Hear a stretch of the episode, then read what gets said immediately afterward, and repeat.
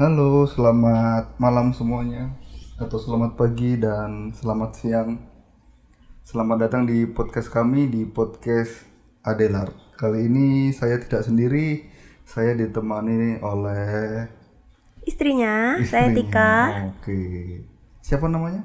Tika. Tika. Umurnya berapa? Kita seumuran, itu sih yang penting. Terus anaknya berapa?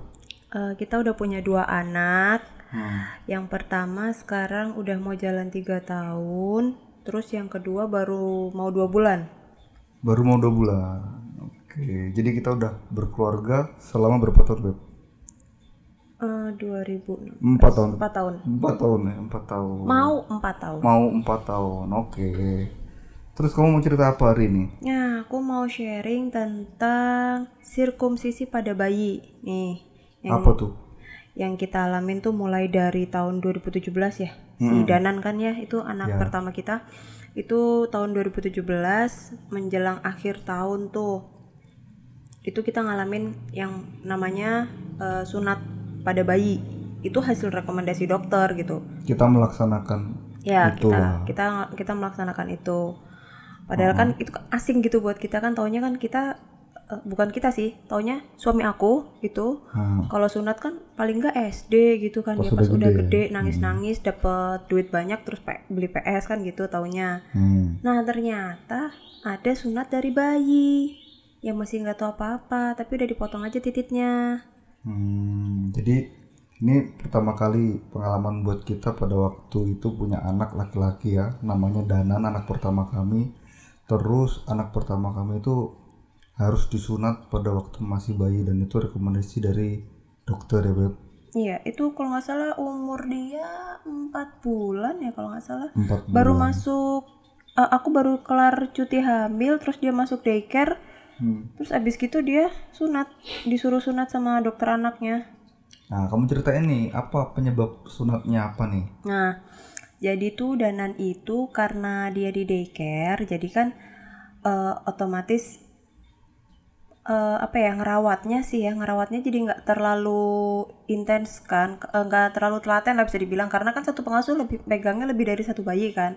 Nah terus Danan tuh juga eh, saluran kencingnya itu memang agak sempit dasarnya. Terus karena dibersihkannya tuh nggak terlalu telaten, jadi ada teknik ngebersihinnya sendiri ya silahkan di googling ya kalau saya jelasin di sini kayak agak ngilu gitu kan ya. Tekniknya bersihin tuh agak rumit ya? Iya, semuanya. sebenarnya nggak rumit sih, cuman yang penting telaten gitu, terus tega gitu. Nah, ini buat para ibu-ibu muda yang punya anak laki-laki masih bayi terus Yang yang ngiranya itu kalau kalau punya anak laki ngerawatnya gampang ya, karena kan dia eh, semacam bertitit gitu kan. Jadi kan cuman ujungnya aja dilap kelar gitu.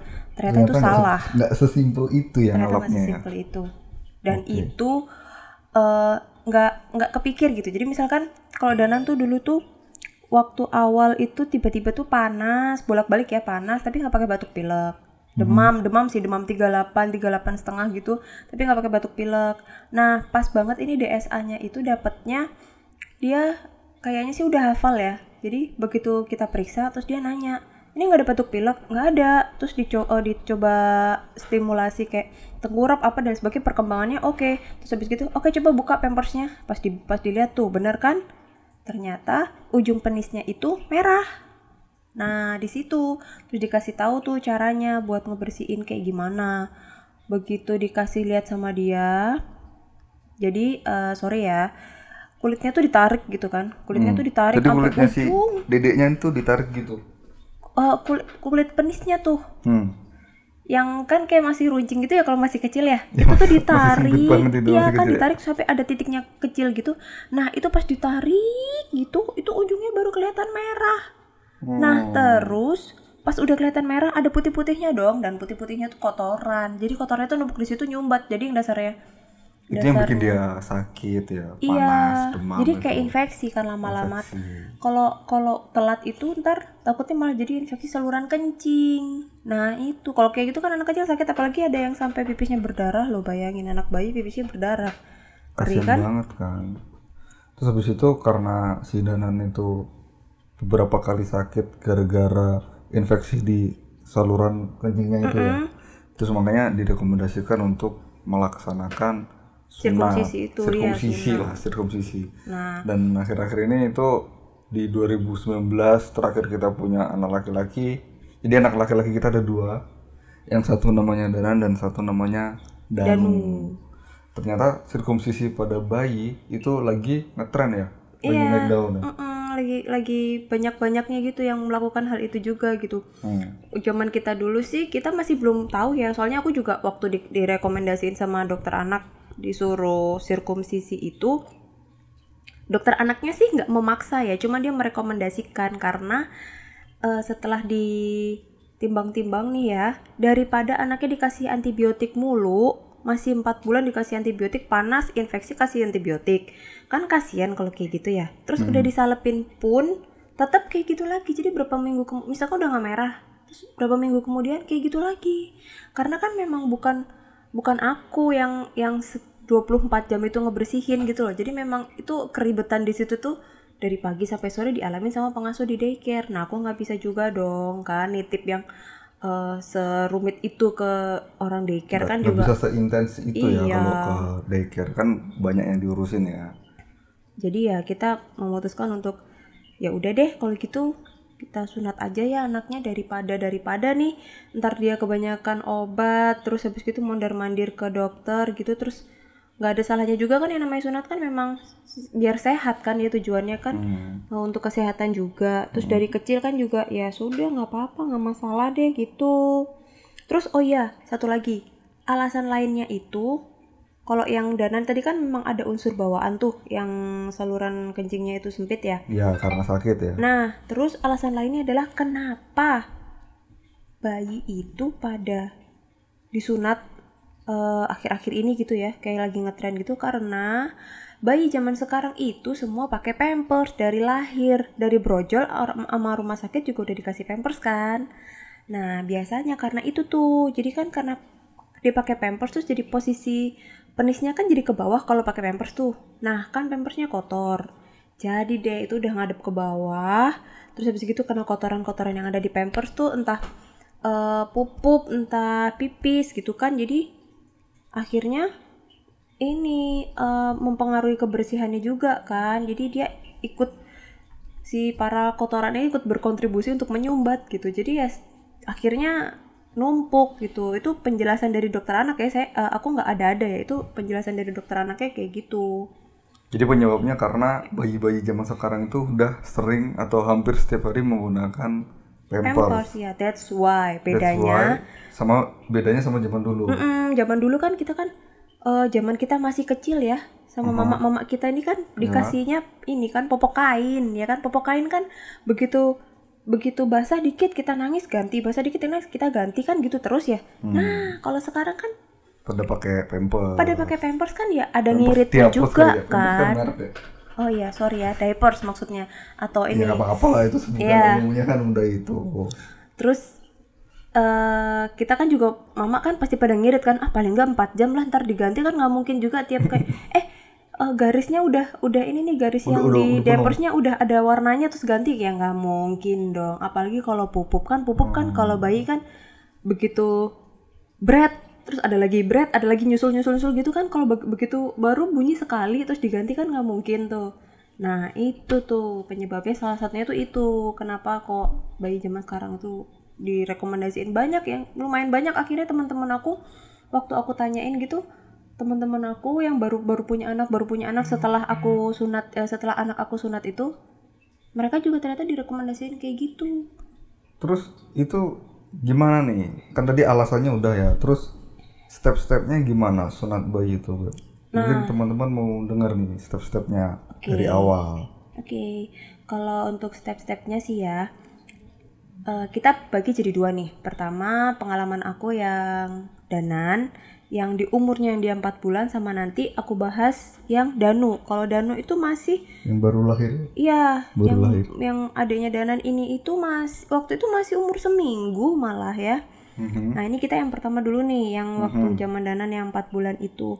Karena kan kita berangkatnya dari dokter spesialis anak, waktu itu di rumah sakit Duren 3, dia karena waktu karena pada waktu itu belum ada dokter bedah jadi kita di eh, rekomendasiinnya itu ke dokter bedah anak. Karena masuknya di umur 4 bulan ini kalau sunat itu dibedah dioperasi jatuhnya gitu. Karena kan dia harus bius total dia udah bisa tengkurap. Jadi dia harus bius total. Takutnya kalau cuman bius lokal nanti eh, ini beresiko sama kelincahan dia gitu.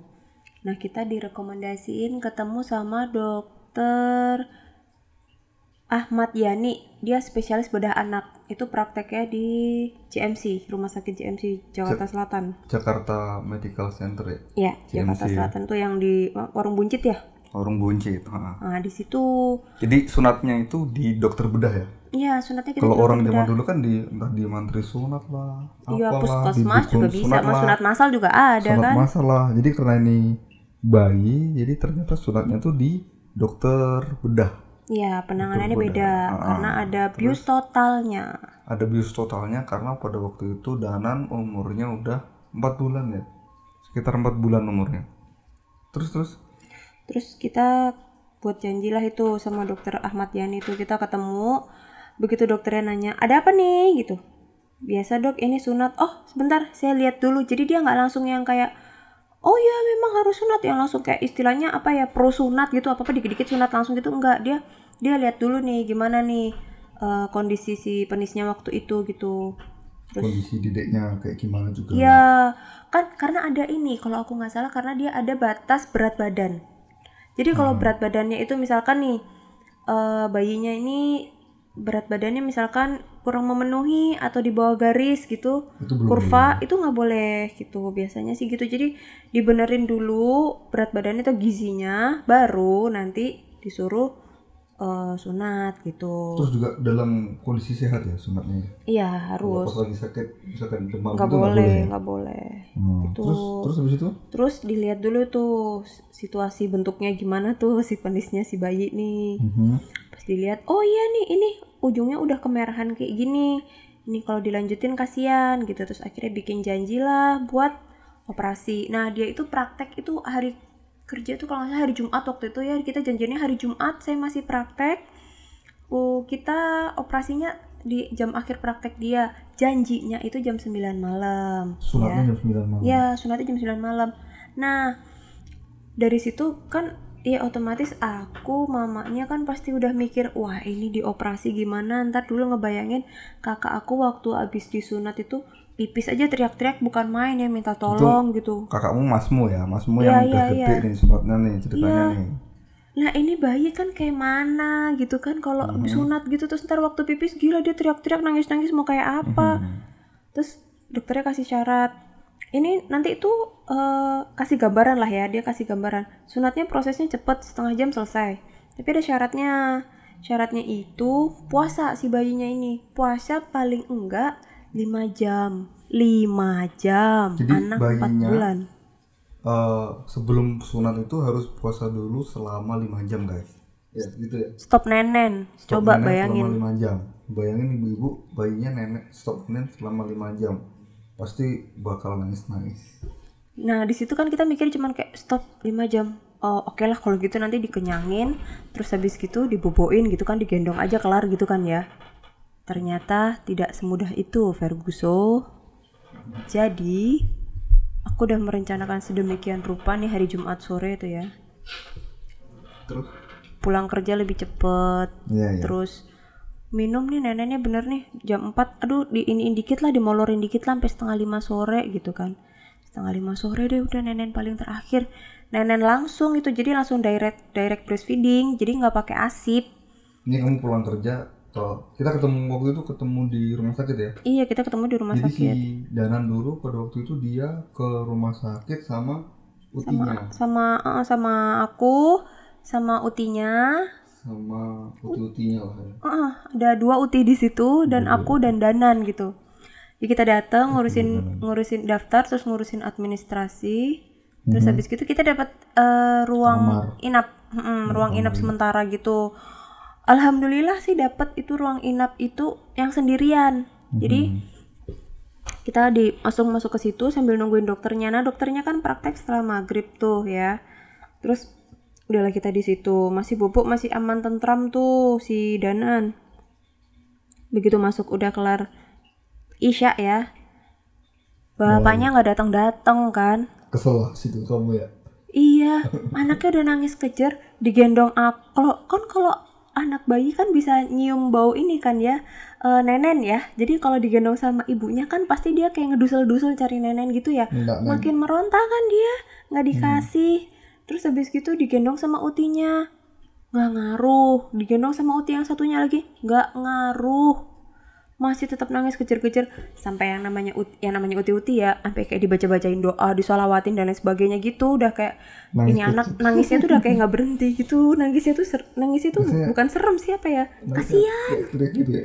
Iya nangisnya tuh kayak meronta-ronta gitu loh dia nangis kelaparan bayi gitu tapi nggak dikasih kasih itu berjam-jam. Terus akhirnya bapaknya kan udah kayak diteleponin nggak datang-datang ke mana sih lu ya? Bapaknya gila lama dong. amat ya. Pasar mi eh pasar minggu Iya, Jakarta Selatan kan ya? Jakarta Selatan bayangin aja hari Jumat malam. Nah, eh pulang kerja kan macetnya parah banget. kan main ya kan? Nah, terus terus. terus. habis gitu akhirnya datanglah si bapaknya Danan ini ya. Ya. suami aku nih. Dia datang saya kira digendong dan lain sebagainya. Luluh lah itu si Danan luluh nah pas lagi ada mumpung ada bapaknya nih ya aku lah cari-cari lah si dokter nih si dokter si Ahmad inilah aku cari. Ini si Ahmad mana ya? Terus aku cari. Iya si dokter Ahmad ini. Cari na- nanya sama asistennya dokternya mana ya? Oh ini masih ada pasien masih ada pasien. Sampai setengah sembilan terus jam sembilan terus akhirnya jam setengah sepuluh dokternya dokternya keluar ruangan pasiennya habis baru dia keluar sambil ngomel-ngomel dia kayak iya ibu gak apa-apa bayi nangis itu normal. Ya elu ngomong gua kan yang gendong. Enak bener dokternya bilang gitu ya.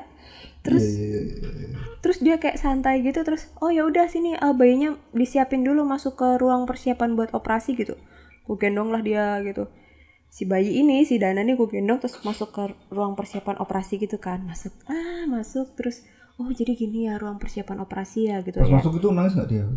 enggak Udah diem ya? iya udah diem nggak tahu kenapa ya Apa Eli? Oke capek. Nah terus kan dia digantiin baju pakai yang hijau-hijau itu, pakai eh, gaun yang hijau itu, Ah, terus iya, pakai, ya terus pakai penutup kepala, eh penutup rambut sorry, pakai kayak hair cap gitu kan. Itu si Danunya pakai eh Danu terus. Iya, Danan tuh pakai itu kayak gitu. Danan pakai kayak gitu. Jadi aku yang gantiin gitu kan, terus kayak Mhm. eh lah dia ketawa-ketawa dong. Pas itu senyum-senyum gitu, terus ditimbang tuh dia senyum-senyum ditimbang sama perawat, senyum-senyum dia. Mm-mm, Kayak terus kayak aku dari tadi udah marah-marahin si dokter ini kayak kayak nggak ada bukti gitu.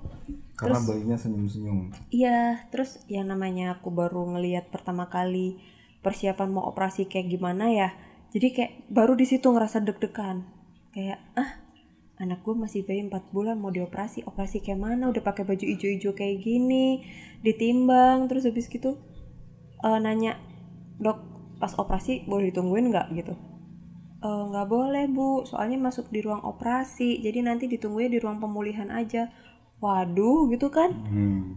Jadi yang pertama ini operasinya bius total dan dan kamu nggak nggak boleh nungguin ya? nggak boleh itu. cuman nganter sampai di ruang persiapan operasi sampai ganti baju itu terus dikasih gini sama dokternya ibu boleh lihat waktu di bius gitu di bayangan aku kan bius tuh di belum ada bayangan sih sebenarnya. Maksudnya kayak eh, di biusnya kayak mana sih? Kayak pakai infus atau gimana gitu Atau kan yang disuntik gitu ngebayanginnya? Ya iya ngebayanginnya kan kayak gitu ya. Terus pas eh, dia ditaruh di kayak di bed kecil gitu atau di meja aku lupa. Terus dia dikasih ini nih masker gitu loh kayak eh kayak, kayak masker O2 gitu loh yang nutupin hidung sama mulut. Oh, jadi dia dipegangin sama perawat-perawat terus habis Iya, itu iya. dipasangin masker itu dia yang tadinya menggeliat tuh kayak pelan-pelan tuh kayak lemas lemas lemas lemas aku langsung kayak anak aku diapain ini kayak masker waktu apa sih? Nebu-nebu gitu. ya? Kayak di nebu gitu. lebih lebih niat daripada itu kalau nebu kan maskernya kan kayak cuman Oh, yang biasa. eh, eh, kayak cuman kecil gitu kan itu tuh kayak masker yang full gitu sehidung mulut gitu terus ada selangnya yang agak gede gitu loh ke mesinnya Oh, iya iya. gitu iya. jadi aku tuh kayak ih, di situ kayak nggak tega banget pas ngeliat dia makin lama makin lemas lemas terus nggak gerak. Terus habis gitu dibilang ibu silakan tunggu di luar ya. Terus terus. terus aku kayak iya dok. Terus tunggu di luar tuh kayak anak gue diapain ya? Ini gimana sunatnya ya? Gitu kan. Udah nungguin gitu nungguin. Aku terus kamu sama uti-uti nih kan nungguin di luar ya. Sampai jam setengah sepuluhan tuh. Terus dikasih tau sama perawatnya keluar. Ibu Ya sepuluhan kali beb. Ya sekitar, Ya, sekitar itu oh, ya. pokoknya setengah jam beneran Setengah sekitar jam. setengah jam beneran ya, lamanya. ya? Mm-mm. Nah, terus ininya setengah jam kok operasinya terus dia eh, si perawatnya nih ibu eh keluarganya Muhammad Danan Jaya ya oh iya iya saya ini udah selesai eh, operasinya gitu ditunggu di ruang pemulihan gitu kan Mhm. terus yang boleh masuk cuma satu tapi di ruang pemulihan Iya iya iya. Kamu kamu aja.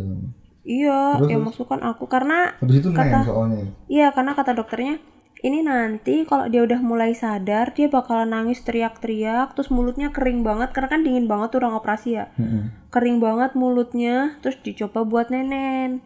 Kalau pas nenen dia nggak muntah, berarti dia baik-baik aja bisa langsung dipindah ke ruang inap. Tapi kalau muntah bakal diobserv lagi sama dokternya gitu. Hmm, berarti di situ dilihat apakah muntah atau enggak. Terus kalau muntah masih mau di observe Di, observe lagi uh, ya. diobservasi lagi gitu. Oke. Terus terus habis itu. terus dia tungguin terus dia mulai menggeliat menggeliat gitu terus dia nangis nangis nenen lah pertama tuh dia kayak nggak ngenalin gitu waktu di waktu nenen gitu Efek bius coy. iya waktu nempel di nipple tuh dia kayak nggak jadi kayak dia nggak mau nggak mau apa ya kayak nggak mau mingkem gitu loh jadi Masih kayak dia masih tuh lemes mangap dong terus kayak ah kayak gitu gitu dia terus habis gitu eh pas udah udah ku ini pokoknya sambil dipuk-puk dipuk-puk pelan-pelan gitu kan dia dingin juga kan Iya iya. iya. terus eh akhirnya dia pelan-pelan gitu mau nenen nenen nenen gitu sambil aku tuh sambil nggak nyadar ngegendongnya ngegendong biasa aja normal pas aku ngeliat lagi eh Oh titiknya. kan titiknya berdarah-darah ya terus ditutup sama kasa doang jadi kayak di di di bawah pusar dia itu ada kayak kasa kasa steril biasa tapi di plester gitu loh di bawahnya pusar. Jadi tuh kayak kayak gorden tau gak sih? Kayak gorden kan Iya iya iya. atasnya nempel gitu ya. Iya. jadi tuh bisa dibuka gitu. Iya iya iya. itu nutupin titit. Terus pas aku buka pas aku lihat lah pas lagi digendong pas lagi aku gendong itu kasanya nempel di tangan. Jadi kayak eh, di, di di di tititnya dia tuh kayak masih ada bekas-bekas kasa dikit-dikit gitu loh di di penisnya itu. Dan itu kan bentuknya masih kayak berdarah-darah gitu terus benangnya tuh kelihatan gitu. Hmm. karena teknik teknik sunatnya ini ya ya. Teknik sunatnya ini tuh karena untuk bayi kayak bayi dia itu masih kecil nggak pakai laser. Karena kalau laser takut banyak angus ya kan? Orang cuma segitu terus pakai laser lah. gitu. Angus lah itu kan habis bisa bisa ya terus katanya bekasnya ntar nggak bagus jadi akhirnya manual digunting manual terus dijahit gitu pakai benang jahit gitu eh benang jahit iya benar benang jahit buat buat Buat sunat. sunat lah. Terus habis itu si Danan nenen ya. Mm-mm, nenen dan alhamdulillahnya nggak muntah Nggak muntah. Hmm, nggak muntah. Terus dia mau nenen nenen udah kayak kausan banget gitu. Terus akhirnya kita pindah ke ruang inap. Terus kata susternya karena udah nggak ada apa-apa, nggak ada komplikasi apa-apa, nggak ada pendarahan juga. Iya, kita disuruh nunggu kayak satu jam. Kalau aku nggak salah inget ya satu jam ya di ruang inap itu kita tunggu nih ada pendarahan atau enggak gitu. Pendarahan tuh maksudnya kan di situ kan yang lagi berdarah-darah itu entah entah kesenggol atau apa tiba-tiba eh, jahitannya kenapa terus jadi berdarah. Nah itu maksudnya kayak gitu. Takut takutnya kan kalau langsung dibawa pulang kan ke- kenapa-napa ya ntar di jalan kenapa-napa balik lagi atau di rumah kenapa-napa balik lagi gitu kan. Hmm. jadi ditunggu dulu sejam kira-kira tuh nah terus oh iya mau ini deh tarik ke belakang dikit ya. Kalau yang danan ini dia nggak ada tes apa-apa ya mau mau apa namanya sunat itu dia nggak ada tes apa-apa. Maksudnya kayak cek lab atau apa gitu nggak ada apa-apa ya. Jadi cuman kayak rekomendasi dokter terus lihat sama dokternya sehat atau enggak dan lain sebagainya. Jadi kayak cek fisik aja gitu biasa. Kayak kita periksa biasa gitu aja. Oke balik lagi. Terus setelah nunggu sejam alhamdulillah juga nggak ada pendarahan. Anaknya udah ini udah anteng. Udah habis nenen kenyang anteng tidur. Di sini. Oh, Oke, berarti ternyata sunat bayi si Danan ini termasuk yang normal dan nggak ada masalah, nggak ada muntah, nggak ada pendarahan, pokoknya berjalan normal. Terus habis nggak ada itu komplikasi lah nggak ada komplikasi ya. Terus habis itu bisa pulang ya. bisa pulang jadi Oke, bisa pulang. langsung tuh jadi langsung pulang kita datang sunat terus eh, tunggu sebentar pulang jadi bisa langsung pulang gitu Bayar dulu bos. oh ya Bayarnya bayar berapa? Lu, lu ceritain Bayarnya dong berapa? Ingat nggak? Teman-teman. ingat nggak kamu Aku lupa lupa ingat sekitar waktu itu sekitar 5 sampai 6? 6 sampai 7 ah. Oh, 6 sampai 7 ya? Seingatku ya, seingatku 6 sampai 7 juta deh waktu sunat si Danan. Karena ya udah agak gede terus sempat eh, rawat inap. Dapet Karena kita kamar ya, eh, dapet dapat kamar. kamar gitu. Dapat kamar kamar rawat inap dan kita nggak milih ya. Jadi cuma ini eh, silahkan ditunggu di ruang sekian gitu. Jadi Karena juga nggak nggak nggak ada kemungkinan kita nginap sih. Ada kemungkinan kita nginap kalau misalkan dedeknya kenapa-kenapa. Tapi ternyata eh, dananya baik-baik aja jadi kita bisa langsung pulang. mm-mm, itu juga kan posisinya kita udah jam 9 jam 10 malam kan. Mhm. Terus pulang tuh cuma dikasih obat ini doang. Eh paracetamol. Ngomong Tempra, tempra. antisipasi kalau dia kalau dia demam ya, gitu. Demam gara-gara luka. Pra sama salep udah gitu aja.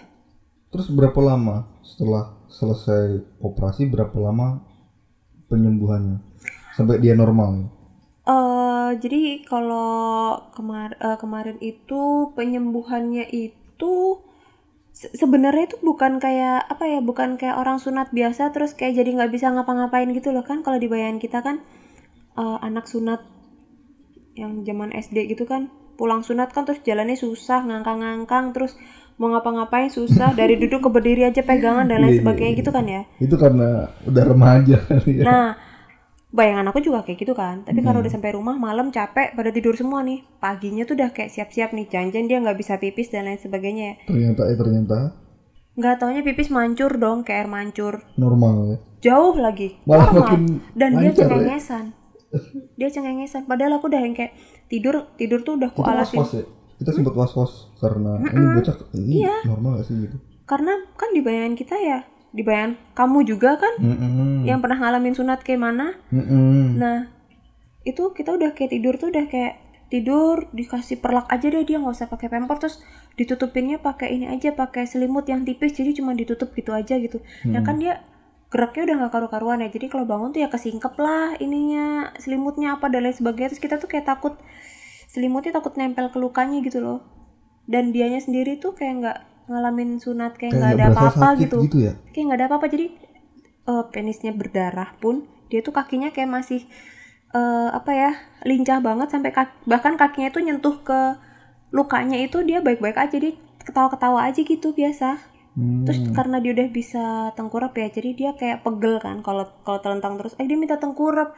Jadi kayak dia udah mau miring-miring mau tengkurap gitu. Jadi kita Karena dia juga umurnya udah empat bulan ya udah waktunya tengkur Iya, tengkurap. terus kita kita repot di situnya, malah repot gimana caranya ini bocah biar nggak tengkurap Biar atau biar lukanya nggak kena kakinya, kena ketabok tangannya, ketendang kakinya kayak gitu. Kita ribet di situnya malah. Terus habis itu Anaknya baik-baik aja, demam enggak, terus lukanya masih merah darah kayak gitu masih dan benangnya pun juga masih nggak karu-karuan gitu masih kelihatan banget kitanya masih nggak tega gitu Oh. tapi tetap kalau dia pengen tengkurap aku teng eh, ditengkurapin tapi di atas paha jadi pas eh, nggak kena titiknya nggak kena penisnya gitu. Jadi pas di paha dia di paha aku jadi dia tengkurap di pangkuan aku kayak gitu. Hmm, terus dia sempet check up check up lagi nggak? Iya. Iya sempat jadi check up lagi itu aku agak lupa ya. Kayaknya tiga hari setelahnya deh.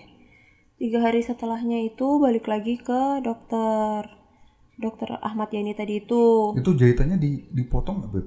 enggak dibiarin aja Dicabut. enggak dibiarin dibiarin di situ di penis dia Jadi ntar hilang sendiri gitu. hilang sendiri jadi kita jadi kontrol itu karena saking parnonya ya apalagi kan aku sama Uti ya Hmm. si Uti-Uti ini kan yang parno kan ya Mm-mm. jadi karena uti-uti ini pada waktu itu sunatnya pas anak-anaknya udah pada gede. Mm-mm. beda tahun beda zaman tahun. gitu Jadi uti-uti ini pada takut pada Parno karena nggak ada pengalaman sunat pada waktu masih bayi, bocah masih bayi. Karena zaman dulu kan ya Old tadi school lah, old biasa. school tadi sunatnya pada udah gede semua kan. Iya. Lulus SD lah, lulus yang udah SMP biasa lah. yang udah bisa diajak ngomong udah bisa diomelin gitu anaknya kan Ah, jadi uti-uti ini yang lebih lebih ngeri ya. Iya. Kayak nggak tegaan gitu. sampai a- a- aku juga agak ini ya agak ragu sih ya waktu mau berangkat ke rumah sakit kontrol itu eh, si Danan itu dipakein celana dulu baru pampers kebayang nggak Kenapa dipakein? Kenapa dipakein celana dulu? Karena kan celana kain ya, nggak kresek-kresek kan. Dipakein lah itu celana. Tapi takut kalau pas misalkan ngantri di rumah sakit, tahu-tahu pipis. Pipis. Tuh basah semua untuk maksudnya kayak takut ribet gitu loh di rumah sakit. Dikasih lah pampersnya, pampersnya di luar. Kan lucu ya. Tapi ya gimana kan ya aku biarin aja lah ya. Terus pas lagi pas udah giliran periksa sama dokternya diketawain dong. Ini ibu ngapain sih pakai kayak ginian? Terus terus utinya gini. Iya dok itu mer- mertua aku ya. Iya dok, ini soalnya takut, ini gini-gini nggak tega dok gitu. Terus kata dokternya, ya elah bu, orang ya sunat tuh kemarin Jumat malam ya.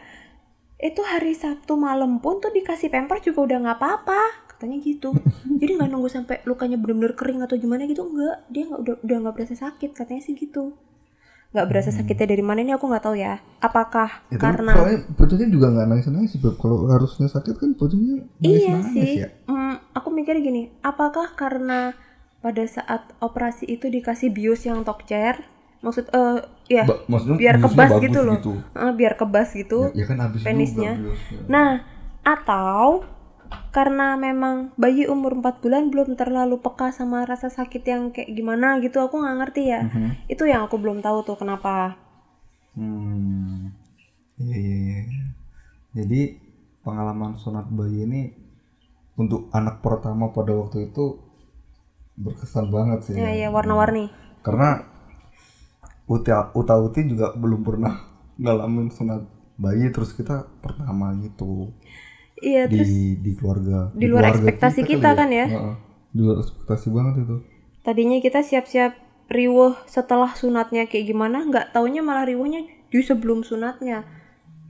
Sama yang kita khawatir dia nangis-nangis dan lain sebagainya kesakitan itu setelah sunat, nggak taunya malah dia nangis-nangis karena nggak dapat nenen 4 jam puasa gitu kan ya. 4 tapi sampai habis, 5 jam habis, gitu. habis sunat itu eh, sampai maksudnya after sunat kan kita sunat kan karena dia sering sakit karena infeksi di penisnya tapi ya setelah sunat alhamdulillah dia sehat ya? Sehat dan, dan dokternya aman-aman aja. waktu waktu kita kontrol itu dokternya pesan gini ibu eh, kan kita nanya terus dok kalau kayak gini gimana? Ya udah gimana gimana ini anaknya udah sehat alhamdulillah sehat. Ibu saya pesan satu aja. Kalau nanti anaknya neneknya jadi banyak minum susu jatah minum susu dia jadi banyak jangan kaget. Karena kemarin misalkan ya dia sehari habis 10 kantong asip yang Mhm. yang tiga itu untuk ngobatin infeksinya. Jadi dia cuman ke, cuman keminum tujuh doang yang di yang dicerna tubuh dia. Pada saat dia sehat itu bisa lebih dari itu. Karena dia sudah nggak mengobati apa pun gitu. Jadi dia benar-benar eh, apa namanya lebih lahap lah istilahnya kayak gitu. Dan itu benar. Jadi dia bisa sampai 13-14 kantong asip jadi minumnya makin banyak ya habis disunat itu yap hmm. Terus sama kayak gini, pesannya yang satu kocak. Dokternya bilang gini, ibu jangan kaget ya kalau nanti pagi-pagi terus berdiri terus jadi kelihatan gede. Jangan kaget ya ibu ya. Dibilang gitu dong. titiknya bangun Iya. Anak 4 bulan titiknya bangun baru ini kan aku ngeliat. ya iyalah ya. Hmm, Titit kecil mah baru ini ya. Titik kecil Oke. Titit jadi kecil. si bayi 4 bulan udah bisa bangun kan titiknya kan gue juga baru tahu Aku juga baru tahu. Menjelang subuh ganti pampers nggak taunya ada yang nunjuk-nunjuk. Oh my god, apa ini? Gede banget. Untuk kayak kayak aduh pokoknya gitu deh kayak kaget. Ini bisa kayak gini. Anak aku kemarin nggak kayak gini waktu sebelum disunat. Pas disunat kenapa dia bisa jadi sebegininya. Natural begini banget ya ini laki banget nih kayak gini nih gitu. Oke. Terus habis itu pengalaman yang kedua gimana kalau sama si Danan? Nah ya kalau tadi danan itu si endingnya Danu ya? yang kedua kedua, si Danu. ya. Hmm. lupa mulu ini danan danu nih ah. Ketuker ketuker endingnya kalau si danan itu cuman nunggu keringnya luka itu pokoknya lancar deh kayak nggak ada apa-apa gitu. Nunggu keringnya luka ya biasa aja gitu. Alhamdulillah lancar ya. Eh makin lama tuh makin kebentuk makin kelihatan gitu cincinnya itu. Itu makin rapi terus kepalanya. bentuknya bagus. Iya kepala. Ujungnya kali ya nggak tahu ya pala apa sih? pala helm bapak- helm apa sih? Helm. Bapak ibu yang mendengarkan ini yang punya anak laki-laki pasti tahu lah nggak usah senyum senyum gitu helm. Anaknya anaknya ya bukan si Iya, bapak anaknya. Terus terus habis itu? Terus kalau yang danu nih kalau yang Danu jadi kita tuh udah sepakat ya. Kita udah sepakat waktu sebelum lahiran tuh kita mikir gini ini anaknya cowok nih. Mm-mm. kalau ntar lahir mau langsung disunat atau nunggu agak gede atau sekalian gede gitu. Karena kita kemarin pengalamannya kita sunat karena kita sunat karena danannya itu pakai acara sakit-sakit dulu kan ya Mm-mm. jadi akhirnya kita memutuskan buat abis lahiran kalau bisa langsung sunat gitu ya Ya, si Danu berarti lebih cepat. Mm-mm. Baru lahiran kita nggak lama langsung sunat. saking nafsunya kita pengen nyunatin dia Karena nggak mau kita sakit-sakit. Mm-mm, saking nafsunya kita mikirnya gini, kalau bisa sebelum pulang dari rumah sakit deh. Padahal kan lahiran kan tiga hari dua malam ya jatah rumah sakitnya ya. Terus dia bilang katanya, kalau bisa sih sebelum pulang dari rumah sakit kayak gitu. Terus kayak ah, kan aku mikir, emang bayi hitungan berapa hari gitu udah bisa disunat ya kan gitu ya. Terus pas udah lahir, kita di hari terakhir ya, ya Beb ya? Hari terakhir Di ngamar hari ya. terakhir ngamar itu kita Visit dokter terakhir ya. Heeh. terus kita minta request untuk mau uh, Sunat bayi. sunat sunat bayi. Terus habis itu di dia dibuatlah uh, request itu diteruskan ke dokter dokter bedah juga. ya? ditindaklanjutin, Ditindaklanjutin. Hmm, diarahin kita ke dok. Nah, kita kan aku lahiran di rumah sakit yang sama di rumah sakit Duren 3. Mm-mm. Waktu Danan dulu juga di rumah sakit Duren 3, dokter anak Danan juga di Duren 3. Tapi bedanya pada waktu danan belum ada dokter sunat. Itu tahun 2017. Belum ada dokter bedah. Oh iya Dokter dokter bedah, maksudnya Dokter bedah belum ada. Terus ruang bedahnya juga belum ada. Adanya kan ruang buat lahiran kan di situ cuma ibu anak yang belum eh, pakai embel-embel Brawijaya dan belum semahal sekarang ya. Sekarang udah ada Brawijaya Hmm. harganya naik bos. lebih mahal lebih, lebih bagus sih memang dokternya juga lebih lengkap terus eh, kita nanya nih kita ditemuin ditemuin sama dokter bedahnya dokter Gue bedah nggak nyangka ternyata dokter bedahnya beda bro. Dokter bedah pada waktu danan tuh udah udah ber- bapak-bapak berumur ternyata. udah bapak-bapak dan Terus berpengalaman yang, di, ini Nah, terus yang di, di si Danu ini waktu kemarin itu ini tahun 2020 ya. Dokter bedahnya masih muda coy. masih muda kayak masih abang-abang gitu loh Gue kayak nggak percaya gitu. kayak Ini mas-mas semester akhir tau gak Iya.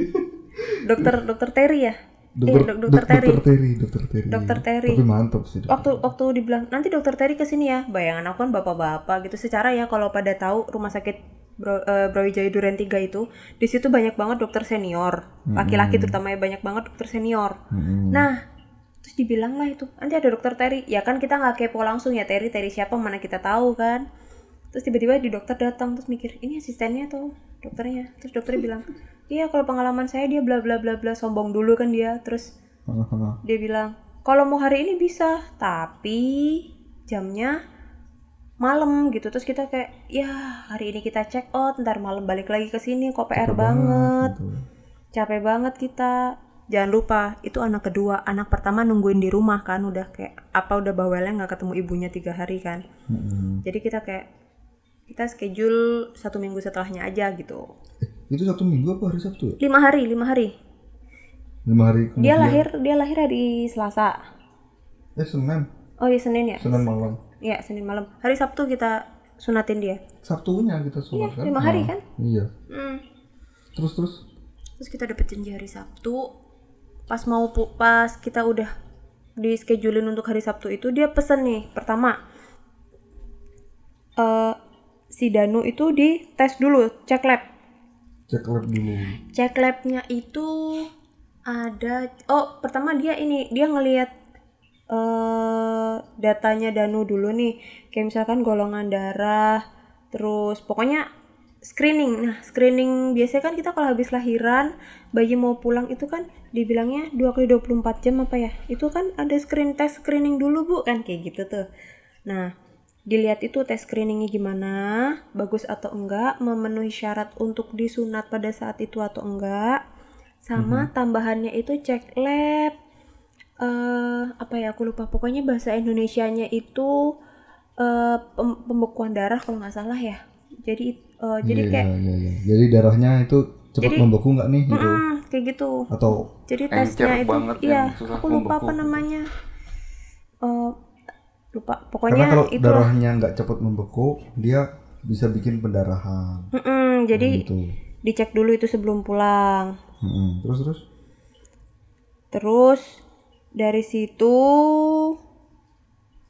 dia dari situ tahu kan kalau ternyata hasil cek labnya cek labnya cepet banget itu dan aku lihat sendiri ya cek labnya itu cuman kayak dipites ditusuk dikit gitu di bagian telapak kaki kalau nggak salah sama kuping apa ya? Itu. Terus terus. Cepet banget tesnya terus normal hasilnya siap untuk disunat hari Sabtu. Terus kita dibawain pulang itu eh salep. Satu, satu kotak itu ada salep sama ada kayak perban yang elastis gitu. Kayak kertas laminating ya? Kayak kayak kertas laminating gitulah pokoknya a- agak elastis tapi gitu kotak gitu sama salep. Kata dokternya petunjuknya adalah sejam sebelum disunat. Jadi sunat jam 7 pagi jadwalnya. Itu jam 6 pagi dari rumah. Sudah dioles salep itu dan ditutup sama eh, plastik itu. Maksudnya itu untuk apa itu namanya ya? Eh, biar agak baal. anestesi. Nah, anestesi biar agak baal dikit lah. Anestesi pakai salep itu. Bius Hmm, jadi kita, kita melakukan anestesi itu dulu dipeseninnya gitu. Terus aku ngebayangin ya, oh oke kalau cuman oles-oles aja sih gampang ya. Udah. Sabtu pagi nih, Sabtu pagi kita beberes. Giliran oles-oles itu ya Tuhan ternyata susah banget ya ditutup pakai plastik itu. Aku tuh sampai bingung, ini nutup plastiknya kayak mana? Ini dilengketinnya di mana? Kan habis pakai salep ya licin otomatis kan ya. Terus habis gitu mau ditutup salep ya ditutup salep digulung apa dimanain apa di kayak tirai apa mana gitu kan. Akhirnya nggak kepake. Dioles tetap aja habis gitu pakai pampers dia berangkat. Terus sampai di rumah sakit udah ketemu dokternya. Ternyata dokternya udah di situ duluan hmm dokternya di tepat situ. waktu sih dokternya dokter tadi terus? Dokter Terry tepat waktu. Terus dibawa ke ruang ini operasi ya. Operasi kali ini aku boleh nemenin. Lebih cepat dan lebih simpel daripada sebelumnya. Ya aku boleh nemenin. Si dedeknya nggak perlu puasa dulu ya? Nggak perlu puasa Nggak dan nggak bius total dan nggak bius total. Beda waktu danan dulu yang harus puasa dan harus bius total. Jadi semakin cepet lu semakin sunat kecil. semakin kecil lu dia sunat nih ini semakin simpel. Iya dan semakin biayanya dini. juga semakin murah. Iya semakin dini sunat tanpa ada komplikasi anaknya sehat itu semakin murah semakin cepat prosesnya juga dan nggak perlu bius total kan jadi dia cuma bius lokal aja. Jadi pas udah sampai sana diganti eh, bajunya mul- bajunya dia digantiin pakai gaun yang hijau itu sama pakai penutup kepala dan lain sebagainya. Aku pun juga seperti itu karena aku menemani terus dokternya bilang gini ibu boleh loh kalau mau dibawain asip siapa tahu obat anteng anaknya waktu di operasi gitu oh boleh banget nih kan bawa asip terus nanti ditetesin pakai pipet gitu kan Mhm. Oke siap. Jadi udah bawa, udah udah disiapin tuh eh, hasil perahan ASI ya. Terus masuk ke ruang operasi, ditaruh di atas meja, dingin banget, nangislah dia. Kan mejanya kayak meja stainless gitu ya, meja operasi gitu. jadi dia bukan di atas kayak kasur gitu ya Bukan bed. Bukan bed sih seingat aku ya. oh meja yang besi itu ya Kayak yang kayak besi iya stainless soalnya begitu ditaruh di situ dia nangis karena dingin. anyep lah ya Iya kan ruang operasi dingin banget juga kan. Terus? dia kayak pakai apa ya kayak pakai taplak yang ada lubangnya gitu loh. Terus lubangnya itu dipasin di Titiknya. titiknya. Mm.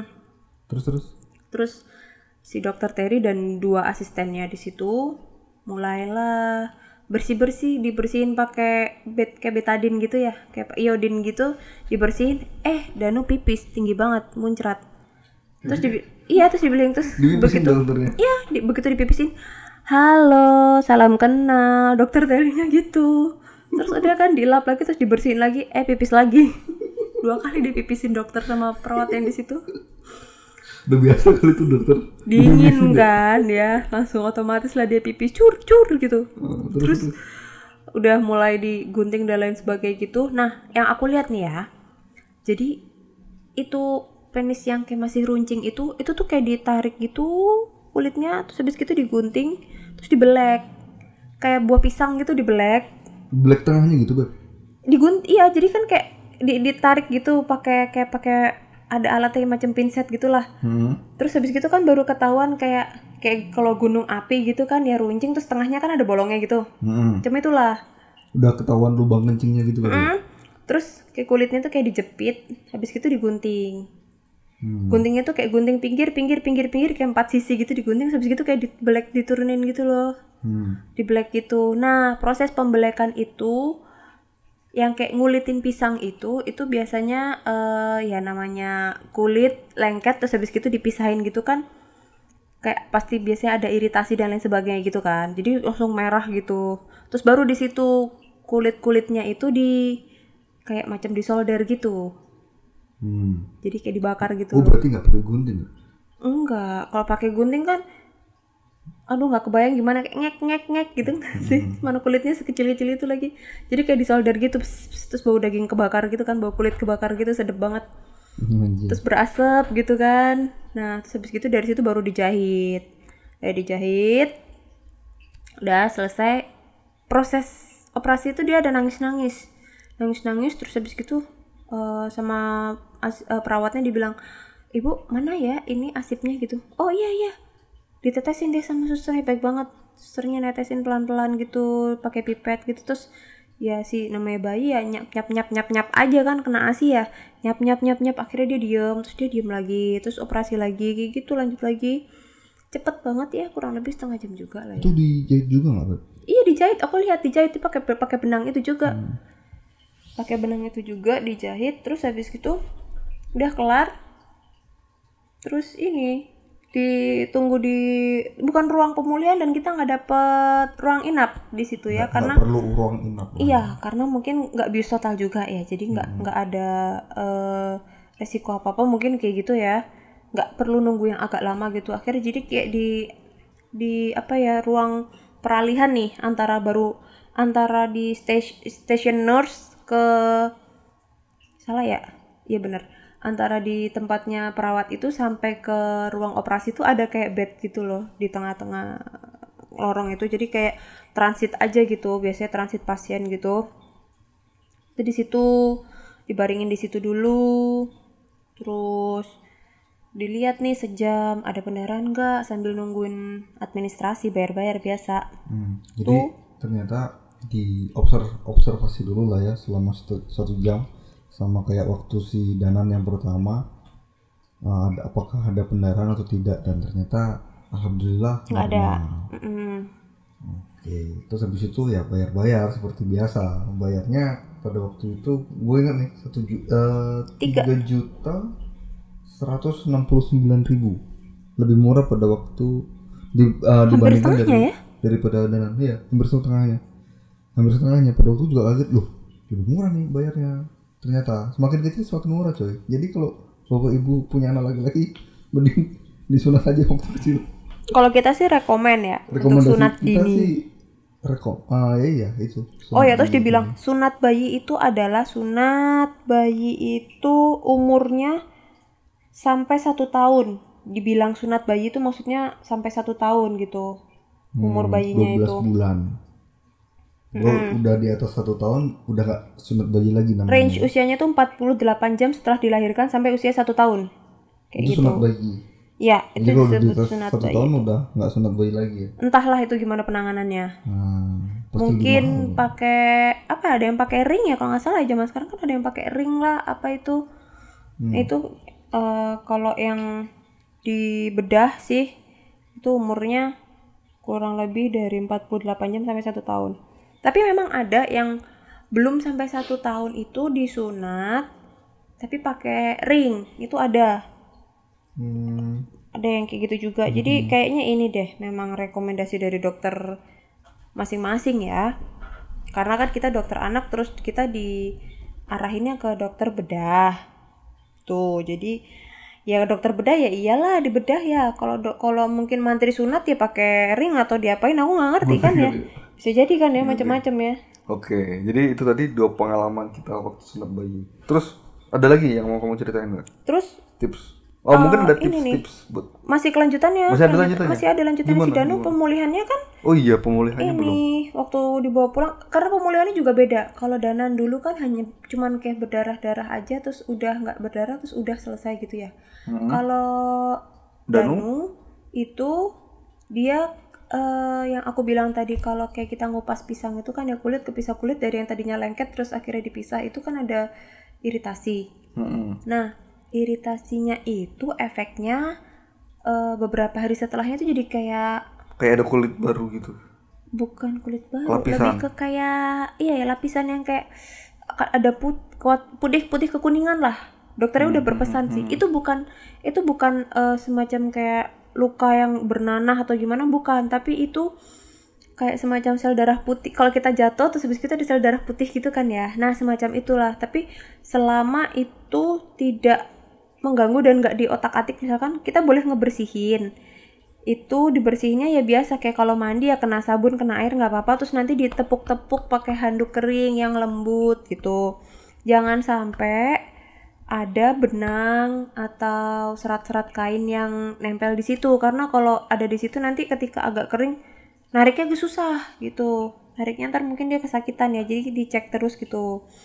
Kalau untuk Itu putih-putihnya putih-putihnya itu. Oh, lengket kalau kita ngeliat itu lengket ya tapi aku nggak berani megang karena kata dokternya don't di- touch. Nggak boleh disentuh ya? nggak boleh disentuh nggak boleh dikopek nggak boleh dibersihkan. Jadi Biar hilang sendiri gitu. Iya, ibarat kalau kita kayak habis luka gitu terus ada sel darah putih kita bersihin, ya kan dia basah lagi terus luka lagi terus sel darah putih kayak kayak ketutup lagi kan ada lapisan membrannya lagi, nanti ngulang kayak gitu terus kan nggak kering-kering ya.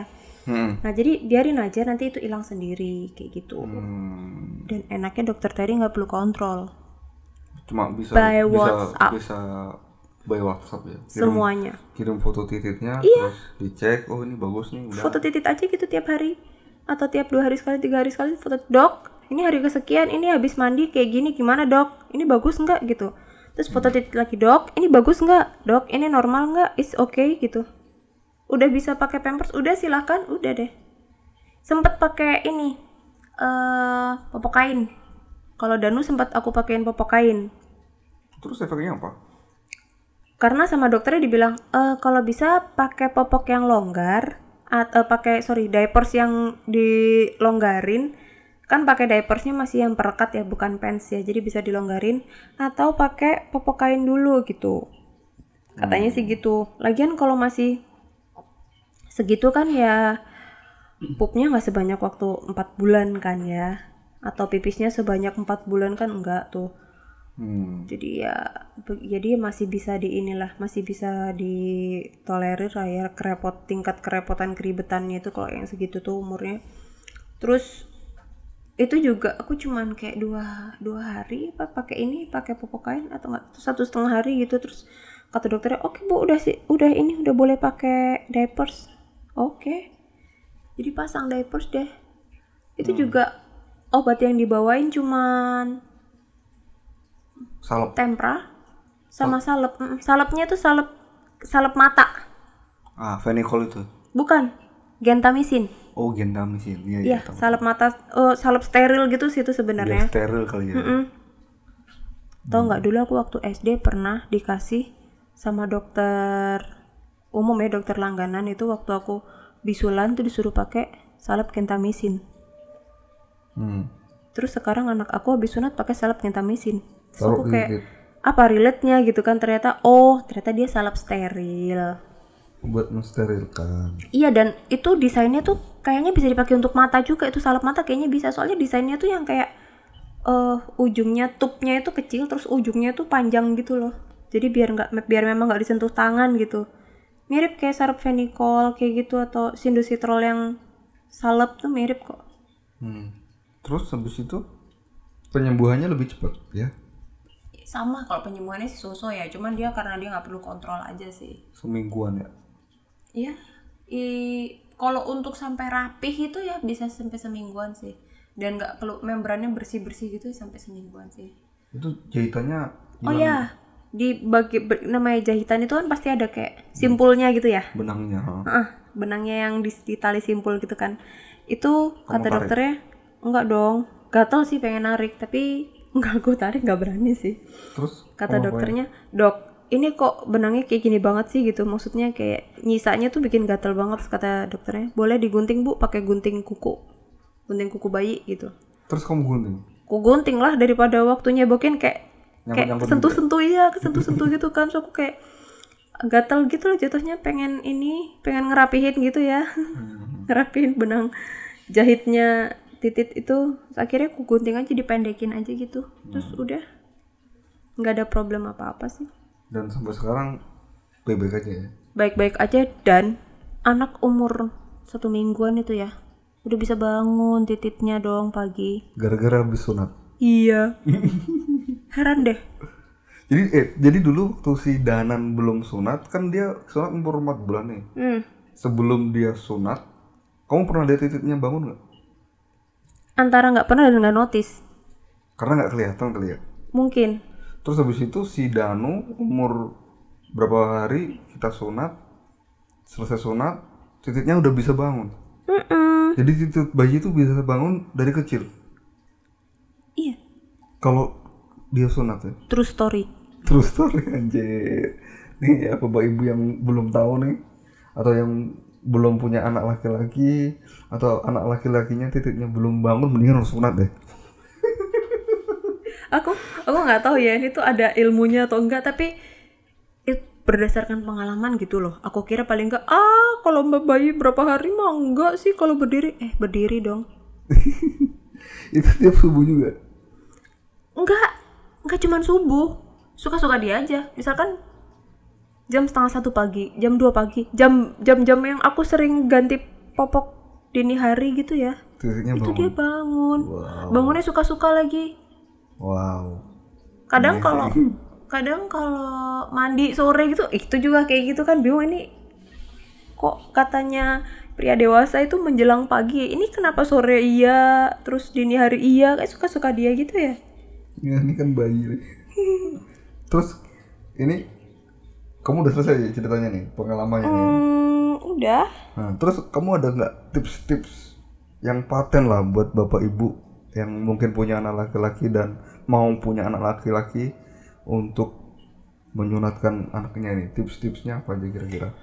Em, saran ya kalau misalkan memang dari awal itu sudah komitmen untuk merawat anaknya sendiri ya I mean nggak pakai babysitter atau bukan daycare gitu ya. Pokoknya benar-benar ngehandle 24/7 ya sendiri. Itu kalau misalkan eh, telaten dibersihkannya dengan cara yang baik dan benar. Kalau misalkan masih masih penasaran dan nggak tahu punya anak cowok silahkan tanya ke dokter anak. Rata-rata dokter anak tahu gimana caranya mau ngajarin gimana caranya. Ngebersihin Iya. titiknya itu biar nggak demam atau nggak Iya. sakit dan an- intinya biar nggak infeksi itu harus dibersihin dengan telaten ya sebersih mungkin. ya dan itu memang harus tega kita ngelihatnya sih kayak sakit gitu tapi padahal dianya nggak ngerasa sakit dan itu untuk kebersihan dia gitu. Terus habis itu apa lagi? as long as anaknya bukan eh, given fimosis ya kalau fimosis tuh biasanya kasusnya fimosis sih mostly memang direkomendasikan untuk sunat tapi Fimosis itu apa? ya itu kayak apa namanya saluran kencingnya sempit Ah, Gitu. Jadi susah kencing lah. Iya, intinya gitu. Itu bisa sampai bengkak kalau kayak gitu bahaya ya. Eh, as long as dia nggak fimosis itu masih bisa diredam. Misalkan dia kayak harus eh dibersihkan telaten rutin kayak gitu. Anak teman aku ada yang kayak gitu. Jadi dia disarankan, diarahkan sih sebelum bukan dis- belum sampai disarankan gitu. Jadi diarahkan kalau gimana ini ada ini loh opsi untuk nyunatin nih kayak gitu. Terus tapi karena temen aku masih ragu buat nyunatin kasihan sih lebih ke kasihan terus dia akhirnya memilih menunda dan merawat membersihkan dengan baik dan benar. Akhirnya ya nggak ada masalah. Sampai sekarang anaknya toddler juga nggak ada masalah gitu. Nggak ada masalah. Terus tips selanjutnya kalau mau sunat gimana? kalau misalkan mau sunat ya yang harus dipersiapkan pertama duit ya jelas. Mm-mm. karena dan itu tergantung umur ya. Sama ini sih eh apa ya bisa dibilang kayak pandangan bapak ibunya sendiri sih. Kalau misalkan kan ada memang yang ah kasihan ah kalau anaknya disunat gitu kalau kata aku ya kalau demi kesehatan untuk apa kasihan? Pertama anaknya kalau kecil dia belum merasa sakit. Kedua eh zaman sekarang mah nggak usah mikirin kayak dulu kalau sunat ntar disawerin lah dibikin pas pesta gede-gedean disawerin beli ini itu kayak gitu. Nanti di zaman dia SD itu juga udah nggak zaman bisa-bisa itu partinya online. Karena teman-temannya juga banyak yang bisa jadi teman-teman seangkatannya udah pada sunat dia doang yang belum ya kan? Karena lagi di era kita nih untuk generasi milenial nih kita nih eh, kebanyakan mungkin ya kebanyakan anak-anaknya udah pada disunat. Mm-mm. karena lagi ngetren juga kemarin waktu terakhir si Danung sunat itu ternyata udah ngetren dan banyak Udah katanya. banyak kata dokternya sih memang banyak dan memang dan dia nggak bohong karena aku dikasih lihat galeri dia isinya tititan berdarah semua. Jadi kayak begini bu ini begini begini tuh titit-titit semuanya. Dia tuh tititnya beda-beda lagi warnanya. Jadi kan anaknya banyak ya yang disunat sama dia kan gitu. Hmm, terus yang harus disiapin sih kayaknya itu aja ya. Jadi kayak memang memang komitmen bapak ibunya emang sih. kita udah misalkan mau punya anak laki-laki dan dan kita udah berencana oh ini gua mau sunat nih setelah setelah lahir itu malah malah lebih simpel ya. Iya. jangan sampai telat. Kayak si Danan itu bisa dibilang kita awam waktu itu. Kita nggak kepikiran kita ada kepikiran hal itu juga, gitu kan? Ah, karena ini anak pertama dan ya bisa dibilang sih kita menyunat itu karena ada rekomendasi. Ya kita telat sih anak ya. iya. Kanan kiri kita juga yang yang seumuran sama kita teman-teman kita sendiri di circle kita juga nggak ada yang nyunatin anak nggak ada yang nyunatin anaknya? Iya, cowok nggak ada yang Ah. disunatin waktu kecil. Dan baru baru baru ini aja nih anak yang kedua kita langsung sunat terus juga ada teman kita juga langsung sunat juga sih. Dari orang tua kita sendiri pun waktu tahu danan mau disunat dulu kan kayak ih mas mau disunat masih kecil masih bayi gitu masa wes disunat? kan gitu. Iya iya iya iya. Terus waktu si Danu mau sunat juga udah biasa aja iya udah kayak Udah biasa oh disunat aja. oh ya udah gitu. gitu nggak ada nggak ada yang terlalu spesial atau apalah gitu iya normal-normal aja ya hmm. terus apalagi ada lagi nggak tips yang kamu mau share Hmm, kayak udah itu aja deh, gak usah terlalu khawatir soalnya usah masih khawatir. bayi. Ya itu tadi uh, berdasarkan dua pengalaman aku semuanya simple. Pasca sunat itu simple, malah menyenangkan, lebih enak di kitanya ya. menyenangkan. Malah kan kita ngeliat hal-hal yang baru ya. Jadi anak kita nggak perlu demam-demam karena kita malas bersihin titiknya atau karena kita nggak bisa bersihin titiknya. Itu kalau kita punya anak laki-laki. Jadi buat bapak ibu yang akan punya anak laki-laki atau udah punya anak laki-laki yang belum disunat, nah ini pengalaman dari kita seperti ini. Semoga bermanfaat. Mungkin itu aja kali ya yang kita bisa share pada Uh, kita belum nemu negatifnya apa sih ya? negatif sunat sih sejauh ini Sunat sunat bayi belum kan ya? belum Kita sih nggak- dan dan dokter kita yang dua tadi dokter Ahmad ya satu ya Iya, yang satu Terus dokter Ahmad Yani, yang satu dokter Terry. sih. Iya. recommended sih Boleh sih kalau mau di share ya. Kalau misalkan uh, clueless ya, ya udah tulis aja keywordnya dokter Ahmad Yani bedah anak atau dokter Terry sunat anak gitu. Kayak udah pada tahu. Udah kalau ini dokter ada deh. Terry itu di rumah sakit Duren Tiga, Brawijaya Duren ya. Tiga. kita yang kemarin tuh kalau dokter Ahmad itu di Prakteknya di JMC. Kalau belum ganti ya, di prakteknya di JMC JMC. Kemang itu kalau belum ganti atau belum pindah itu dua dokter yang kalau lo googling ada tuh namanya ada fotonya juga Dia kalau yang dokter Ahmad Yani itu udah senior tersohor lah itu pokoknya. mungkin Bedah anak. dosen, dosennya dokter Terry kali ya. Bisa jadi sih atau ya. Oke Bapak Ibu, gitu aja podcast kali ini. Semoga suka dan sebarkan podcast ini ke teman-teman kalian kalau misalkan butuh uh, informasi tentang apa pun. Jadi podcast ini membahas berbagai macam hal tentang kehidupan kita yang akan kita sharing. Oke? Ciao. Ciao dah. Dah.